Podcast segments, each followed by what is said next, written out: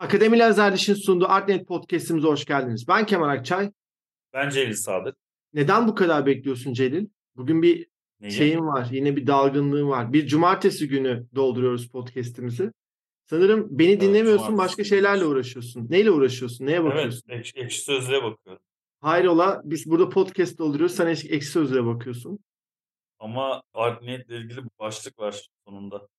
Sonunda. Bir eskiden Evet. Bülent Çakrat sanırım bir program yapmış. İlk başlık oydu. Ondan sonra yazan mı olmuş? Evet. Ne yazmışlar? Neydi? Bir dakika. Evet, iki kişi yazmış. Okuyayım mı? Oku. Celil Sadık ve Kemal Akçay'ın kültür sanat üzerine sohbet ettikleri bir podcast dinlemesi çok keyifli. Gerçekten bir şeyler öğrendiğimi hissediyorum. Her dinleyişimde burayı okurlarsa şayet kendileri büyük bir zevkle dinlediğimi belirtmek isterim. Çok teşekkür ederiz. Çok nazik. İşte böyle Murphy böyle Cooper. entry'ler girilsin bizlere. Evet, Murphy Cooper'a çok teşekkür ediyoruz. Daha sonra Zwang Zung. Zwang Zung demiş ki Bir şey bir dakika çarpı böleceğim. bir- Böleceğim. Neydi arkadaşın nickinin ismi? Murphy Cooper. Bize yazsın. ister Celil'in ister benim bir atölyeme ücretsiz misafirimiz olarak katılacak kendisi. Bayağı teşvik primi veriyorsun. Hayır böyle bir bizi sevdiğini söylemiş. Biz de bir şekilde ona bir Bekleriz.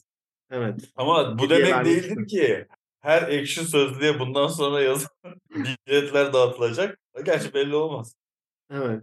Diğerini okuyorum bak. Zwang Zung da demiş ki çarpı bir hızında dinlediğim tek podcast serisi. Çok keyif alıyorum. Öyle böyle değil. Kısa zamanda tüm bölümleri tüketip boşluğa düştüm. Sadece sinema podcastlerini çok sıkıcı buluyorum. Üzgünüm Kemal Bey demiş podcast içinde. Ama bunu BKZ demiş. Good, Bad and Cinema. Yani senin diğer herhalde şey. Evet Mehmet? Hoca ile yaptığımız. Sanat Bu arkadaşa da misafir olarak davet etmiyoruz. Bunu da bir not ben olarak- ediyorum. Çünkü demiş ki Tamam. sanatla ilgili zaten pek fazla üretim yok. O yüzden bu podcast çoğu duyuma hitap edilebilen tek seri olma niteliği taşıyor. Özellikle Celil Bey'in anılarını anlattığı kısımlarda çok eğleniyorum. Bazı bölümlerde ülkedeki sansür kültüründen nasiplerini alsalar da söylemek isteyip de söyleyemediklerini biz anlıyoruz. bir Bence bölümde bir- jenerik bu- müziği- bunu böleceğim. Kusura bakmasam ben bizim kendimizi hiç sansürlediğimizi düşünmüyorum. Bayağı çat söylüyoruz yani. Yok bazen şey oluyor ama daha da onu demek istiyorum. Daha da abartacakken belki daha da sert bir söylemde bulunacakken dilimizi ısırıyoruz. Bunu da hani ben yani ben yapıyorum. O geçmiş Ben demek istedim. yapmıyorum. Yani çok sansürlü değiliz elbette ama bazı noktalarda kendimizi durduruyoruz. Fransa ve İtalya bölümlerinin devamı niteliğinde İspanya, İngiltere ve başka ülkelerde gelse keşke demiş. Bak bunu konu başlıkları olarak düşünebiliriz. Evet. Umarım uzun soluklu bir iş olur. Yıllarca ara vermeden devam ederler. Hadi ama artık yeni bölüm çok ara veriyorsunuz demiş. Bence ara vermiyoruz. Artık o yani haftalık yüklemeye başladık. Sanırım biraz eski olabilir. Evet daha Yazın. sık artık. Ama bunun yanı sıra bu arada Celil'in de bir başlığı var Ekşi Sözlük'te. Podcast'e girmeden önce biraz okudu da bayağı güldük. Aslında Celil değil de Eyşan'la ilgili daha çok entry var.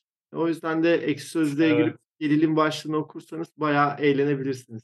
Ekşi Sözlük'teki kendi reklamımızı da yaptıktan sonra istersen biraz sadede gelelim Celil. Bugün aslında yine güzel bir bölüm başlığı bulduğumuzu düşünüyorum. Daha önce de benzerini yapmıştık aslında. Şimdi iki hafta önce sanat tarihi ve sinemaya yeni başlayanlar için film ve tablo önerilerinde bulunmuştuk.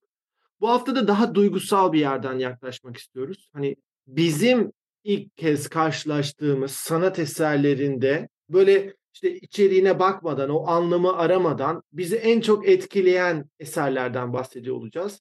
Hem film örnekleri hem de sanat tarihi. Bu arada ille de tablo olmak zorunda değil. Ama hani heykel olur veya başka bir sanat eseri olur. Bunlarla ilgili bizim ilişkimiz üzerine konuşuyor olacağız. Aslında göz ardı ediyoruz. İster istemez bizler sanat eserleriyle ilgili analizler yapıyoruz. Filmlerle ilgili analizler yapıyoruz ve e, aslında olayı bayağı bir rasyonelleştiriyoruz. Kendi sayfamda da zaman zaman bana yapılan bir eleştiridir. Şimdi yazılarımdan anlayamazsınız ama benim de aslında sinemaya karşı duygusal bir ilişkim var. Zaten böyle olmasa yıllardır bununla uğraşamazsın. Ben de filmleri izlediğim zaman ağlıyorum, gülüyorum, işte korkuyorum ve gerçekten aklımdan çıkmayan filmler işte veya hani başka sanat dallarını da konuşuruz.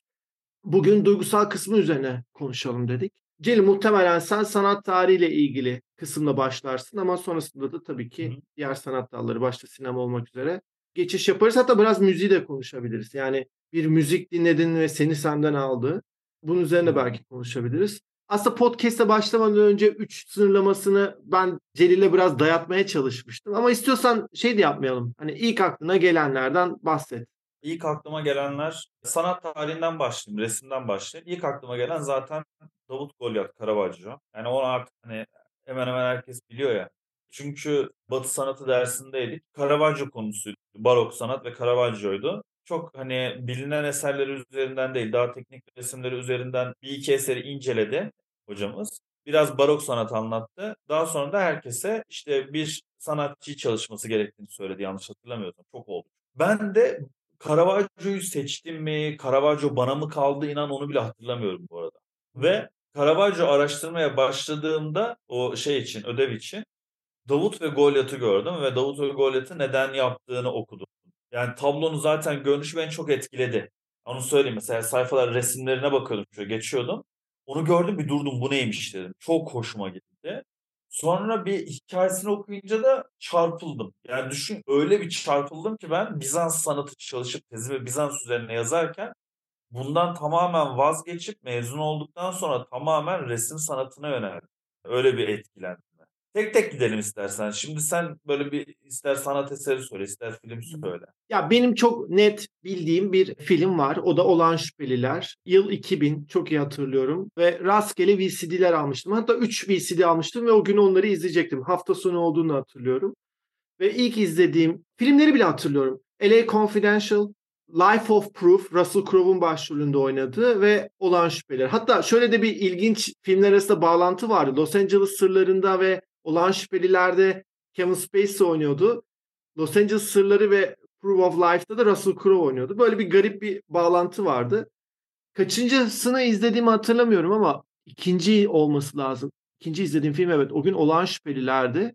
Hiçbir beklentim yoktu. Hatta nedense VCD'nin kapağına bakıp böyle bir komedi filmi olacağına dair içimde böyle bir ön düşünce olmuştu. Filmi izledim ve beni bambaşka bir noktaya attı. Yani bana o kadar zekice gelmişti ki senaryo.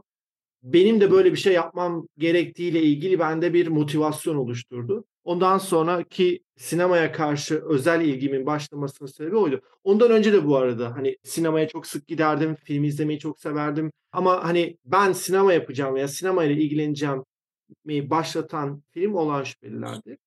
E, sadece şunu da söyleyeyim ondan sonra sana pas atayım. Sinemada da Er Kurtarmayı izlediğimde o zaman yaşım da çok küçüktü. Gerçekten büyülenmiştim. Yani özellikle o Omaha çıkartması. Bu arada ben filmin devamını da çok severim. Beni sinemaya karşı böyle bir yani sinemanın o büyüleyici etkisiyle belki de ilk kez karşılaştığım böyle hani listeler yaparsın ya hemen bir numaraya oturttuğum bir zamandı. O yüzden o iki film yakın zamanlarda izlediğim iki film beni çok etkilemiştir. Yani şunu düşünüyordum da hani ben neden etkilendim diye çok fazla var ya. Çünkü benim abi hani böyle gerçekten büyülendiğim, çok etkilendiğim ilk aklıma gelen ilk sinemaya gidişim. O da 97 Batman Robin filmi. Arnold'un falan filan oynadığı. Hani o yüzden o filmin benim için başka bir duygusal anlamı var zaten. Bayağı da kötü Ve, bir filmdir aslında. Aynen. Çok kötü bir film ama ben zaten böyle deli gibi Batman fanatiği bir çocukluk yaşayıp o filme gittim. Yani her şeyin Batman anladın mı? O yüzden ya böyle bütün oyuncakları sadece Batman mesela. Örümcek Adam falan yok. Hayır. Alınacaksa Batman alınacak falan gibi. Ondan sonra yine o VCD falan dönemi ilk VCD'nin çıktığında yani ben ortaokuldaydım. E, hiç unutmuyorum. Orta birinci sınıfta ya yani altıncı sınıf oluyor. Orta birdeyken şey oldu böyle VCD'de işte babam falan ailecek de çok izlemeyi seviyorduk film. E şimdi ben ne izlemek istiyorum? O zamanlar şey vardı. Godzilla falan vardı. Tamam mı? Hı hı. İşte o tarz şeyler izlemek istiyorum. Ama babam dedi ki zorla işte hadi baba filmini izleyelim. Çünkü o da hep televizyondan izlemiş. Eskiden sinemadan izlemiş. Herif almış eline CD'sini bir izlemek istiyor anladın mı? Üç filmi de. Hı hı. Ve bir pazar günü dedi ki birinci filmi izleyeceğiz falan. Ben böyle izlememek için inanılmaz diretip daha sonra izleyince böyle ağzım açık kalıp aynı gün içerisinde 2'yi ve 3'ü izlediğimi biliyorum. Yani ona bir böyle hatta tamamen sinemaya, böyle filmlere, başka filmleri de sevmeme, daha da izleme hevesi aşıladığını hatırlıyorum mesela bana baba filmine. Öyle bir etkisi vardı. Aslında bugün mesela sanat eserlerinden bahsederken böyle dikkat edersen hikayelerini anlatıyoruz. Aslında o sanat Evet. eserini nerede görmüştük, bize nasıl duygular uyandırmıştı gibi bir yerden aslında yaklaşıyoruz. 2014 veya 2015 yılında Fransa'ya tatile gittiğimizde Louvre Müzesi'ni ziyaret etmiştim ve bütün günümü ona ayırmıştım. İşte kapanana kadar sabah girip 10 gibi 5'e kadar falan orada vakit geçirdim. Bu arada benim sanat tarihine daha öncesinde hiçbir şekilde bir e, ilgim veya bağım yoktu. Aslında biraz Celil'le tanıştıkça hatta belki de Art Niyet podcast'ini doldurdukça benim sanat tarihine karşı yakınlığım arttı. Film analizlerinde de tabii ki bunu çok fazla kullanıyorum. Özellikle mitoloji kısmını. Ama orası böyle daha saf. Tüm tablolara doğrudan böyle daha bir şey bilmeden yaklaştığım bir gün olduğu için ayrı bir yeri vardı. Ve şunu rahatlıkla söyleyebilirim. Louvre Müzesi gerçekten de eğer bu konuya ilgiliyseniz gidip görmeniz gereken bir yer. Bütün o sanat eserleri arasında beni en çok etkileyen Kuzey Barok'tu. Yani şeyi çok iyi hatırlıyorum. Yani bir sürü yer var. Onların hepsini tabii ki hatırlamam mümkün değil. Hani hangi dönemlere ait olduğunu ama o Kuzey Barok eserlerin olduğu odaya girdiğimde hemen etkilendiğimi ve tablolara baktığımda gerçekten çok şaşırdığımı ve onları yapanları çok takdir ettiğimi görüyorum. Böyle bir tabii ki duygusal boşalmanın yaşandığı bir şey değildi. Bir tablodan bunu yaşamanız bence çok zor. Ama böyle bir takdir ve o yeteneğin ortaya çıkışı, o ışığın kullanılması, oradaki mesela bir yaşlı bir kadın karakteri vardı ve böyle ona bakana bakıyormuş gibi bir izlenimi vardı ve çok gerçekti. O yüzden Louvre Müzesi'ndeki o Kuzey Barok eserlerinin beni bayağı bir etkilediğini söyleyebilirim. Ben bu arada hala film düşündüm. Niye biliyor musun? Çünkü mesela Errani kurtarmak dedin ya. Benim için de aynı şey geçerli. Yeşil Yol mesela çok etkilemişti. Ne bileyim Yüzüklerin Efendisi çok etkilemişti. Ne kadar iyiymiş ya 2000'lerin ilk 10 yılı. 90'ların sonu ve 2000'lerin ilk 10 yılı 2010'a kadar çok iyiymiş gerçekten. Yani düşündükçe böyle şey yapamadım. Ben Ee, 93-94'ten başlatırım. İşte mi? Esaretin Bedeli, Schindler'in Listesi, Pulp Fiction, Remains of the Days falan oradan Bak başlayıp Steven Spielberg'ün bile mesela bizim belki de hani benim daha çok jenerasyonun filme ve filmciliğe aşık olmasını sağlamıştı. Jurassic Park ne abi o dönemde? Yani nasıl bir film yani? Hani tamam Esaretin Bedeli falan sayıyoruz ama yanlış mıyım? Evet, kesinlikle. Ya böyle resim olarak başka düşünüyorum. E, romantik eserleri çok seviyorum. Mesela işte Goya'nın eserlerini ilk gördüğümde çok... Ya ben biraz böyle karanlık ve romantik şeylerden hoşlanıyorum ya. Bunun da etkisi var galiba. İşte onun kara romantizminden çok etkilenmiştim. O Savaşın Felaketleri diye bir gravür serisi vardır. Onu çok beğenmiştim. Onun dışında bir dük vardı. Onunla eşi bir düşes İspanya'da bir şatoda yaşıyorlar. Ve işte Goya'dan, geçen de galiba bahsetmiştik. Goya'dan böyle cadılı, şeytana tapmalı falan böyle bir seri istiyorlar. Goya'da zaten tam böyle kara romantizm döneminde Sağır'ın evi diye bir villası var orada yaşarken. Böyle bir seri yapıyor. İnanılmaz bir seri mesela o. Onu ilk gördüğümde çok etkilenmiştim. Bir de şeyden yine Caspar David Friedrich falan yani böyle Alman romantizmi genel olarak söyleyebilirim. Çok etkileniyorum. Yani epik manzaralar falan çok hoşuma gidiyor. Dolunay sahneleri. Zaten böyle sanatın tarihi takip ediyorsanız ne kadar çok romantik dönem paylaştığını da görüyorsunuz. İster istemez elim gidiyor yani. Bu podcast'i dinleyip sanatın tarihini takip etmeyen biri var mıdır sence? Vardır. Var mıdır? Vardır ne olmaz. Yani ilgi alanı değildi. Daha çok sinemada buradaki muhabbetimizdir ilgi alanı. E, Etmiyordur takip. Olabilir yani. O zaman benle devam edelim. Benim son dönemlerde böyle bir devrin kapanıp başka bir devrin açıldığını anlatan, böyle karakterlerin geçmişiyle yüzleştiği filmler aşırı etkiliyor. Bir dönemde böyle bir ilişkiler üzerine kafa yorduğum bir şey vardı. Böyle bir iki yıl önce falan. O dönemlerde A Short Film About Love ve Loveless'ı izlediğim zaman beni çok etkilemişti. Daha sonrasında ise Sound of Metal ve I Lost My Body. Bunlar işte biraz geçmişiyle yüzleşen karakterlerin hikayelerini anlatıyordu. Yani bu dört film son 3-4 yılda izleyip de beni en çok etkileyen filmlerdir. Tabii bu süreçte geçmişte vizyona girmiş ve beni çok etkileyen filmler de vardı. Burada A Short Film About Love biraz istisna. Onu ben çok geç izlediğim için biraz bu listeye dahil ettim. Fakat Şu dönemde de şimdi Mubi'ye geldi. Ben film ekiminde izlemiştim. Sinemaya da zaten vizyona da girdi diye hatırlıyorum. After Sun filmi. Güneşten sonra benim son zamanlar ben sadece son zamanlarda değil sanırım bütün sinema geçmişimde, film izleme deneyimimde beni duygusal olarak en çok etkileyen film olabilir. Filmi ilk film ekiminde izlediğimde yani o kadar çok ağlamıştım ki artık yanımdakilere göstermemeye çalışıyordum. Böyle gözlükle izliyordum ve gözyaşlarından artık gözlük dolmuştu ve çıkartmak zorunda kaldım. Ve işin ilginç kısmı mesela o an filmi izlersiniz ve işte böyle bir duygusal boşalma yaşarsınız ve orada sonlanır. Film aklımda birkaç gün daha yer etti ve her yer ettiğinde o duygusal anları tekrardan yaşadığımı gördüm. Gerçekten beni aşırı yakalayan bir film oldu. Bu arada filmin çok benim gibi fanları var. Bir yandan da böyle film mi olur diyen insanlar da var. Biraz uçlarda bir film. Türkiye'de geçiyor olmasının tabii ki büyük yani bir İngiliz filmi ama Türkiye'de geçiyor olmasının da bence biz Türklerin filmde çok fazla etkilenmesinin payının büyük olduğunu düşünüyorum. Birçok insan mesela Fethiye'de tatil yapmıştır veya ona benzer, Fethiye'ye benzer yerlerde tatil yapmıştır. Bir baba kız ilişkisi var. Geçmişiyle yüzleşme, anılarla yüzleşme hikayesi var. O yüzden After Sun'ı da benim son yıllarda hatta dediğim gibi belki de bütün sinemayla olan ilişkim anlamında en çok etkilen film olduğunu söyleyebilirim. Yani onun dışında şey var yine çocukluğuma aslında lise dönemime falan denk geliyor. Karayip Korsanları'nın ilk filmi. Çok etkilenmiştim mesela. Çok çok hoşuma gitmişti. Çok şaşırmıştık değil mi bir de Johnny Depp'in evet. o kadar oyunculuğuyla karşılaşınca.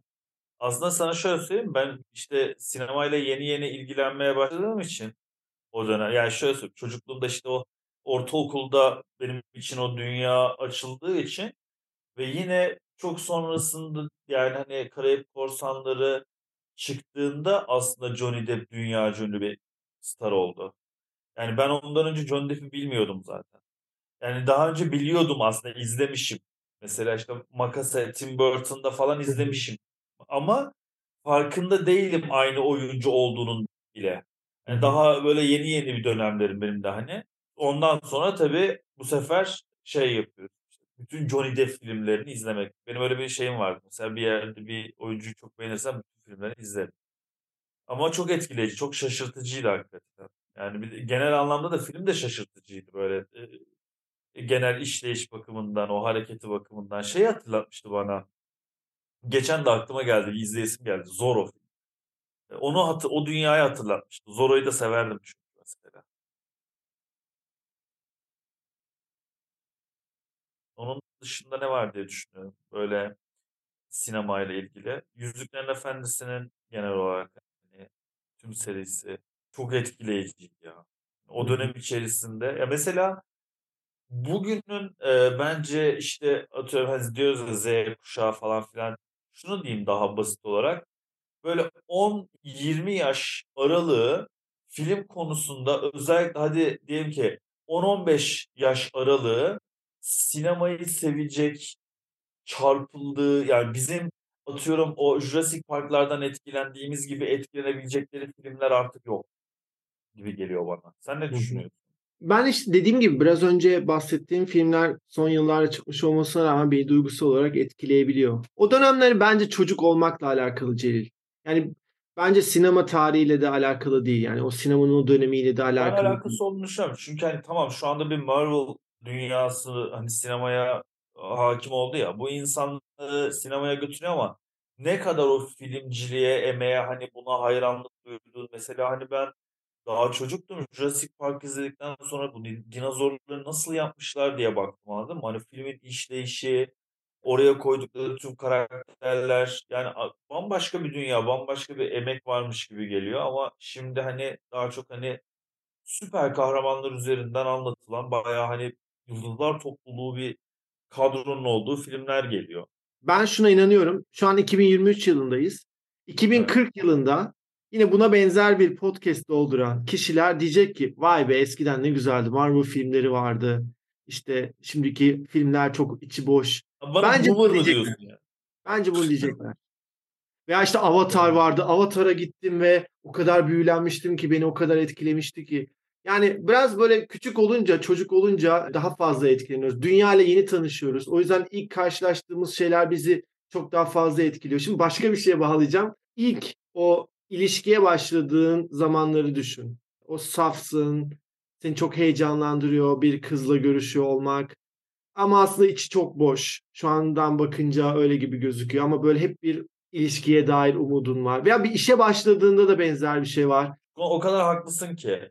Şöyle bir az önce konuştuğumuz şeye geldik biliyor musun? 97 yapımı Batman ve Robin'e gittiğimi sinemaya böyle aşık olduğumu söylediğim zaman ikimiz de çok kötü filmledik abi şu an.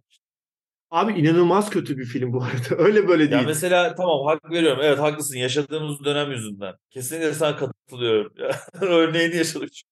Hayır şey de var tabii ki. Hani bu arada ben de memnun değilim. Yani ama şey kısmından memnun değilim. İşte bu bir de aksiyon filmleri var. Ben de 80'lerin aksiyon filmlerini çok seviyorum. Bu ama küçük olmakla alakalı değil. Back to the Future gerçekten çok özel bir film. Ben de onu sevemem biliyor musun? Efendim? Ben onu böyle bir çok sevemem. Bir türlü o yani izledim ama hani böyle tekrar tekrar izleyeyim ve benim için çok çok iyi bir film şeyinde değil yani. O kategoride Geleceği- değil gibi.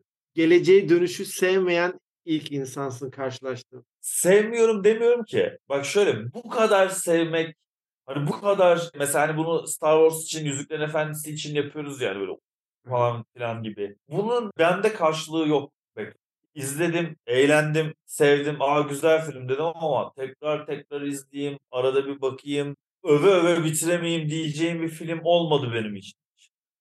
Şimdi mesela şey çok ilginç. Hani biraz önce söyledim ya After Sun çok yeni bir film. Birkaç ay önce izledim ve beni çok etkiledi. Bu beni şaşırtıyor. Mesela senin verdiğin örneklerden çok azı yeni filmler. Hep yine 90'lar, 2000'lerden bahsediyoruz. Olan Şüphelileri ilk defa şu an izlemiş olsaydım kesinlikle beğenirdim. Çok zekice bulurdum. Ama beni 14 yaşımdaki kadar etkilemesi imkansız. Ya ben etkileneceğim varmış, ona denk gelmiş gibi de bazen hissetmiyor değilim. Bu bölüm aslında şöyle yola çıktık biz. Şu anda hani dinleyicilere söylüyorum daha çok. Dedik ki hani üçer tane sevdiğimizi söyleyelim karşılıklı dedik. Ama şu anda konu şeye döndü bence Sevdiğimizi daha iyi değil, oldu. sevdiğimizi değil, bizi en çok etkileyeni. Ha etkileyeni, ha, aynen etkileyeni konuşalım diye açtık. Ama şu anda konu şeye evrildi. Acaba o filmleri şimdi izleseydik sever miydik? Ya da işte eski eski olduğu için mi güzel yoksa hakikaten emek ve kalite olduğu için mi güzel? Mesela bu düşüncelerinizi bize yazarsanız çok seviniriz. Yani hani hakikaten eskiden böyle baş, sinemanın başka bir büyüsü mü vardı? Ya da mesela yeni nesil hani ya da Z kuşağına mesela soracak olursak bu soruyu. Eski filmler mi daha çok sizce etkilenmenizi sağlıyor, sinemaya merakınızı uyandırıyor? Yani bu 90'lar, 2010'lar mı? Yoksa günümüz sineması içinde aynı şeyi siz de söyleyebilir misiniz? Ki o yaş grubundan da bizi bayağı bir dinleyen var. O yüzden e, bence böyle de bir sormak lazım. Bu arada mesela şey Bugün aklıma geldi. evrildi ve daha güzel oldu bence. Bunu konuşalım Ee, biraz. İlginç bir film var. François Truffaut'un 400 Darbe filmi. 1959 yapımı bir film. Ve ben onu izledim ve izlediğim zaman da beğenmiştim. 12-13 yaşlarındaki bir çocuğun büyüme hikayesi. Fakat film analizleriyle uğraşmaya başladıktan sonra tabii ki onun üzerine çalışmaya başlıyorsunuz ve internette bir şey okudum. Şimdi film boyunca bizim çocuğumuz asi, yalan söylüyor, hırsızlık yapıyor vesaire ama böyle de bir işlevsiz bir ailede büyümüş. Baba üvey, anne çok kötü davranıyor buna. Bir şekilde ama o anneyle bir ilişkisi var. En sonunda da evden kaçıyor. Filmin sonunda da bir denize doğru koşarken görürüz. Hatta film boyunca da şeyi de söyler hep. Bir denizi merak eder. Sonrası şunu öğrenmiştim. Fransızca denizle anne aynı şekilde telaffuz ediliyormuş.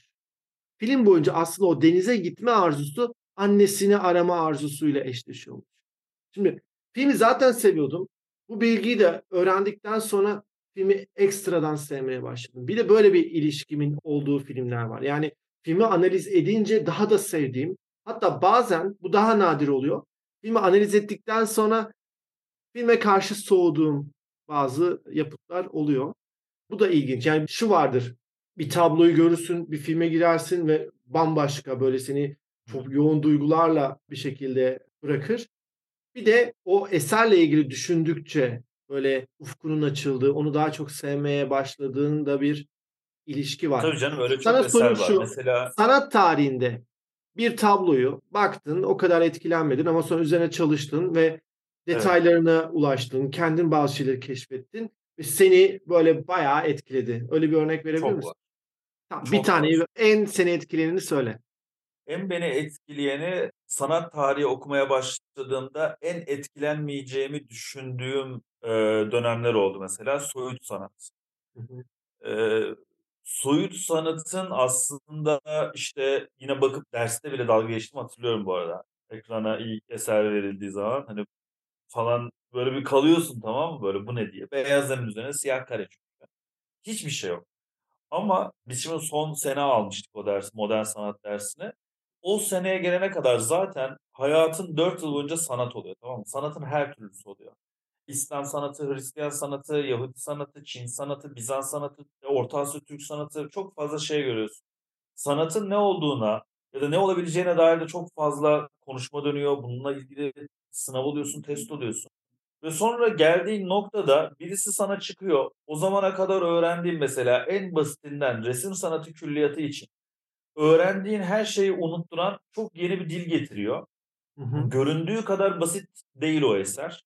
Arkasında Kasimir Malevich'in bir manifestosu var yani sanatçının.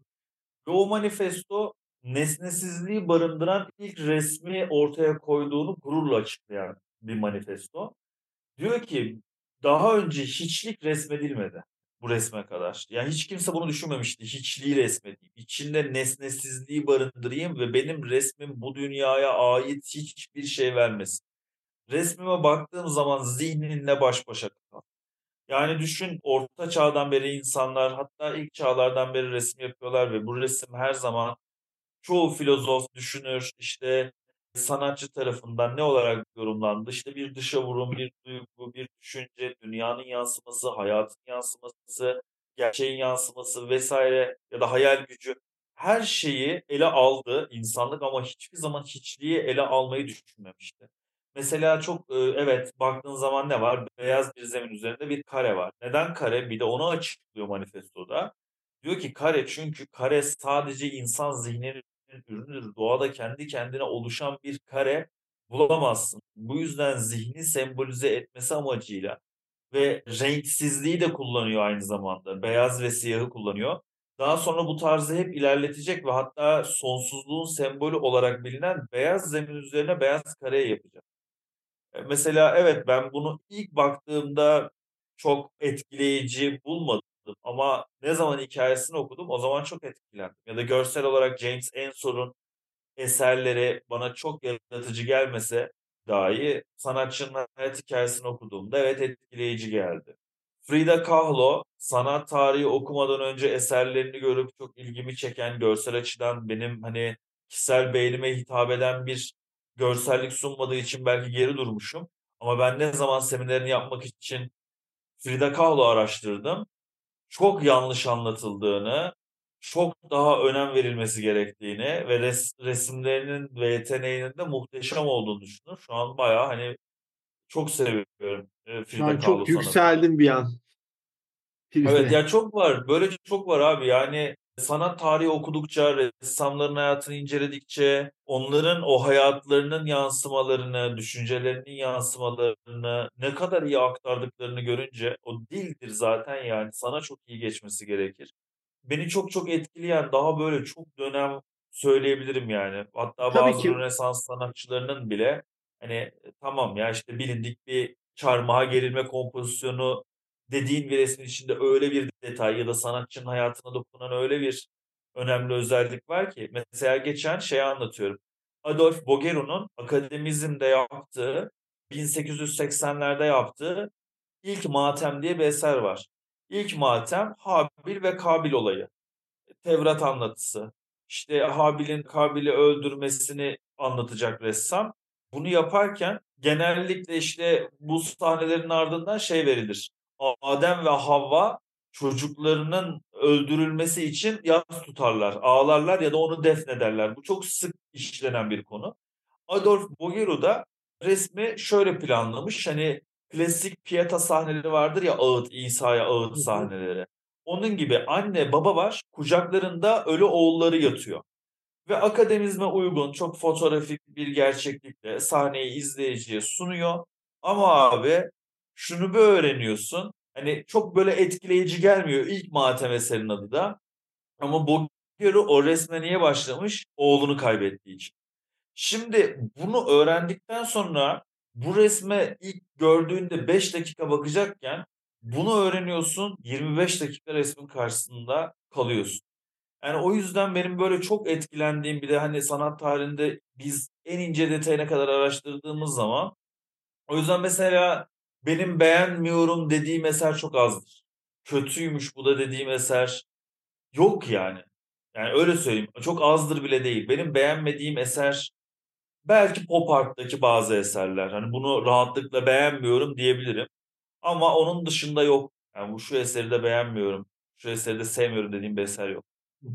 Benim de performans sanatı son yıllarda böyle biraz daha ilgimi çekmeye başladı.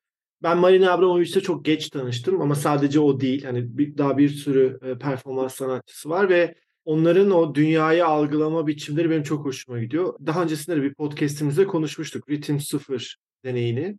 Orada da işte kendisini 6 saatliğine insanların açıyor. Bir sadece bir odada duruyor ayakta bir şekilde ve insanlar istediklerini yapabilir o 6 saat boyunca ve Marina Abramovic hiçbir şekilde onlara karşılık vermeyecek. Bir masa koyuyorlar. Orada yanlış hatırlamıyorsam 80 civarı böyle bir obje var. Silahtan tutun işte güle kadar böyle Bıçaklar hem falan. bıçaklar var. Onun dışında hem zarar verebileceğiniz hem de bir şekilde Marina Abramovic'e e, hani işte, gül gibi hani e, jestlerde bulunabileceğiniz objeler var ve insanlar istedikleri gibi buna davranabiliyorlar. İsterseniz hani geçmiş bölümlerimizde Marina Abramovic ve sıfır ritim sıfır bölümümüzde bu performans sanatının detaylarına zaten ulaşabilirsiniz. Beni bayağı bir etkilemişti. Bayağı o olaya karşı düşünmemi sağlamıştı. Yine Kare filmindeki o köpek Oleg de beni bayağı bir etkiledi ve düşündürtmüştü. Yani e, bir insanın köpek rolüne bürünmesi ve sonrasında insanlarla etkileşime geçmesi ve insanların Oleg'e karşı insan gibi mi yoksa hayvan gibi mi yaklaşacağıyla ilgili tereddütte kalmaları bu fikirler çok hoşuma gidiyor açıkçası. O yüzden performans sanatının ben çok değerli olduğunu düşünüyorum ve yıllar geçtikçe daha da değerlenecekmiş gibi içimde bir his var. Evet bence de öyle. Performans sanatı çağdaş sanatın bir alt dalı mıdır yoksa başka bir? Çağdaş sanat içerisindeki sanat tarzları. Tamam o da içerisinde. O zaman çağdaş sanatı seviyormuşum bak. Muzu Ya duvara çağdaş yapıştırmadıkları sanatta da- zaman seviyorum. Ee, ya çağdaş sanatta da mesela bunun örnekleriyle karşılaşabiliriz. Çağdaş sanat işte baktığınız zaman Aa, çağdaş sanat bir şey yapabilirsiniz. Ya benim beğenmediğim eserler daha çok zaten çağdaş sanat falan oluyor. Hani arada gidiyoruz işte sergimizde bir şey gezdiğimiz zaman hani ilgimi çeken hani hakikaten ilgimi hadi ilk görsel açıdan çekmiyorsa bile arkasını okuduğum zaman da ilgimi çekmeyen oluyor. Ama yine de günümüzde de çoğu esere bakıyorum, etkileniyorum, bir okuyorum, acayip şeyler okuyorum. Ondan sonra diyorum ki evet hani benim de çağdaş sanatta beğendiğim sanatçılar, eserler var. Hadi bunu takip edeyim deyip takip ettiğim çok sanatçı var. Hatta paylaşımlarımda çoğu zaman çağdaş sanat dedi artık 2019'lu, 2020'li yıllara dair eserleri de paylaşıyorum. Yani bu şey sanat tarihinde bu durum daha etkili ama film için aynı şey geçerli değil gibi. Yani filmi izledikten sonra işte atıyorum set görüntüleri yayınlandı ve ben set görüntülerini izledikten sonra verilen emeğe çok hayranlık duyduğum için esere işte filme olan saygım çok arttı gibi bir durum yok. Film Ama filmdir anlamı anlamı ekranda- yakalayabilirsin. Anlamı yakaladıktan sonra filme karşı daha Ya yakınlaşabilirsin. anlamı yakalamak da bir başka bir durum. Yok ben hani biraz daha arka planını yani o filmi ortaya koyan kişinin daha öznel ya sanat tarihinde Hı hı. resim. Sadece bir daha bireysel, daha öznel. Ama film sanki daha böyle bir ekip işi. Yani ne kadar atıyorum Ridley Scott diyorsun sineması ya da Kubrick diyorsun ama hani bu işin içerisinde oradaki oyuncuların işte her şeyin etkisi var ya Hı hı. ondan bahsediyordum. Anladım. Bireysel olmak ve kolektif olmakla alakalı Evet. farktan bahsediyorsun. Ama şöyle de bir durum da var Celil. Yani filmi filmle duygulanmamız çok daha yoğun. Hiç hiç mesela sanat tarihi bir esere basıp bakıp ağladığın oldu mu? Veya Yok bayağı olmadı ama film izlediğimde ağlıyorum genelde. aslında çok uzun süre bir olay örgüsüne maruz kalıyoruz. Bir sürü imgeye maruz kalıyoruz. Ee, o yüzden bizi etkilediği çok oldu. Ama ben fotoğrafa baktığımda ağladığımı hatırlıyorum. O da şu. İkinci Dünya Savaşı'ndan sonra bir kız çocuğu böyle 7 yaşlarında falan ilk defa babasını görüyor. Savaş esiri olarak serbest bırakılmış. Hatta Pulitzer ödüllü bir fotoğraf.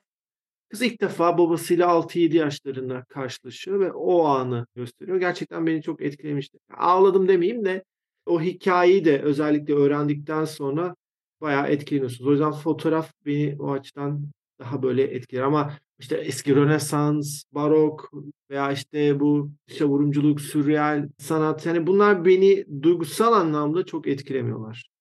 Çok normal ya. Hani çünkü dediğim gibi yine çok bireysel olmasıyla alakalı.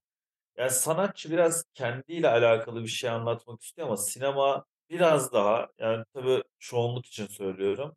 Size hitap etmek için var. Sanatçı da aslında bize hitap ediyor ama sanatçı çok kendinden bir yerden konuşuyor. Kendi kendine konuşuyormuş gibi oluyor çoğu zaman işte modern sanatta ya da Rönesans'taki kendi diniyle ilgili konuşuyor mesela. Yaptığı Rönesans'tan etkilenememen, Barok'tan etkilenememen çok normal o yüzden. Hadi günümüz sanatından ya da Van Gogh'a bakıp da ağlamıyorsan, Frida Kahlo'ya bakıp da ağlamıyorsan yine o Frida Kahlo ile alakalı. Çünkü o Frida'nın kendi dünyası. Onu kabul edip, onu benimseyip, onunla empati yapıp yani çok onu öğrenip, araştırıp ondan sonra belki ağlaman gerekiyor. Ama film daha çok başka hayatları bize zaten sunuyor. Bizden bir parçayı veriyor. Sen esere baktığın zaman sanatçıdan bir parça görürken filme baktığın zaman kendinden bir parça görüyorsun. O yüzden ağlıyoruz zaten. Bir de sinemanın insan duygularını manipüle etmesi için çok fazla elinde silah var. Bir, müzik var. İki, içinde dramayı barındırıyor. Üç, işte Hı fotoğraf sanatı. Hatta bunu resme de bağlayabiliriz. O anlamda yani Evet. im- imgeleri senin önüne sunuyor. Dediğim gibi bir olay örgüsü var. Dolayısıyla kendine bağlantı kurman daha kolay ve Evet. uzun daha uzun sürüyor gibi. Yani bir sürü silah olduğu için de e, bu anlamda etkilemesi daha kolay. Bu arada Akademi Lazerdiş'e çok teşekkür ediyoruz. Bizi bu dört hafta boyunca desteklediği için. Gerçekten bizim için çok değerli. Hani arada böyle makarasını yapıyoruz ama bir anlamda hem bizi motive eden, bu sadece maddi bir destekten bahsetmiyorum. Hani çok yoğun bir şekilde bizi sevdiklerini de göstermeleri bizim için önemliydi ve hani bazen böyle bölümlerde aralar veriyoruz. Bu biraz bizim motivasyonumuzla alakalı bizi sevildiğimizi, dinlenildiğimizi hissettirdiğiniz zaman bizim bu podcast'i doldurmakla ilgili şevkimiz de daha çok artıyor. O yüzden gerçekten de çok teşekkür ediyoruz buradan kendilerine bir kez daha. Yine bu anlamda bize destek olmak isterseniz de her zaman bize yazabilirsiniz. Zaten Spotify'da da iletişim adreslerimiz var. Oradan konuşabiliriz. Evet, çok teşekkür ederiz. Dedi yani Kemal'in dediğine katılıyorum. Biz çok yoğun çalışıyoruz. Gerçekten hani haftanın her günü seminerler zaten konuşarak hayatımızı geçirdiğimiz için inanın artık belli bir süreden sonra konuşmak ki benim çenem çok düşük. Bunun da artık beni bu kadar süredir dinliyorsunuz bizi. Fark ediyorsunuzdur. Ama yine de Kemal'le konuşmak da bu arada çok eğlenceli. Biz bunu her zaman şöyle söylüyoruz. Bir terapi gibi. Zaten hep öyle ilerlediği için de çok doğal gitti ve hani ne kadar ara versek de bırakmadınız. Bunun için izleyicilere de ayrıca teşekkür ederiz. Ki e, yine izleyicilerimizin arasından sponsorlar çıkması da bizi çok motive ediyor. Yani biz sizi dinlemek istiyoruz anlamına geliyor. Biz o yoğunluktan fırsat bulup bazen hani denk geleceksek bile çünkü şöyle bir durum oluyor. Ee, diyoruz ki işte ya ben de konuşmak istiyorum ama çok yorgunum. Bazen böyle günler oluyor ya da çok yoğun olduğumuz günler oluyor. Biz de hani bu süreçte şunu dedik. Hani biraz daha düzenli olalım. Bu insanlar hani bunu bitirmemizi istemiyorlar. E Seçkin Bey de zaten bizim dinleyicilerimiz arasında. Hani bu şey demek. Yani biz sizi dinliyoruz. Daha düzgün yapın şunu demek gibi bir şeydi. Bizim için de çok değerliydi. Bundan sonra sponsor gelir, gelir gelmez önemli değil ama biz bir düzen tutturduk en azından. Bunun için mutluyuz. O zaman çok teşekkür ediyoruz biz dinlediğiniz için. Haftaya yeni bölümlerde görüşmek dileğiyle. Hoşçakalın. Hoşçakalın.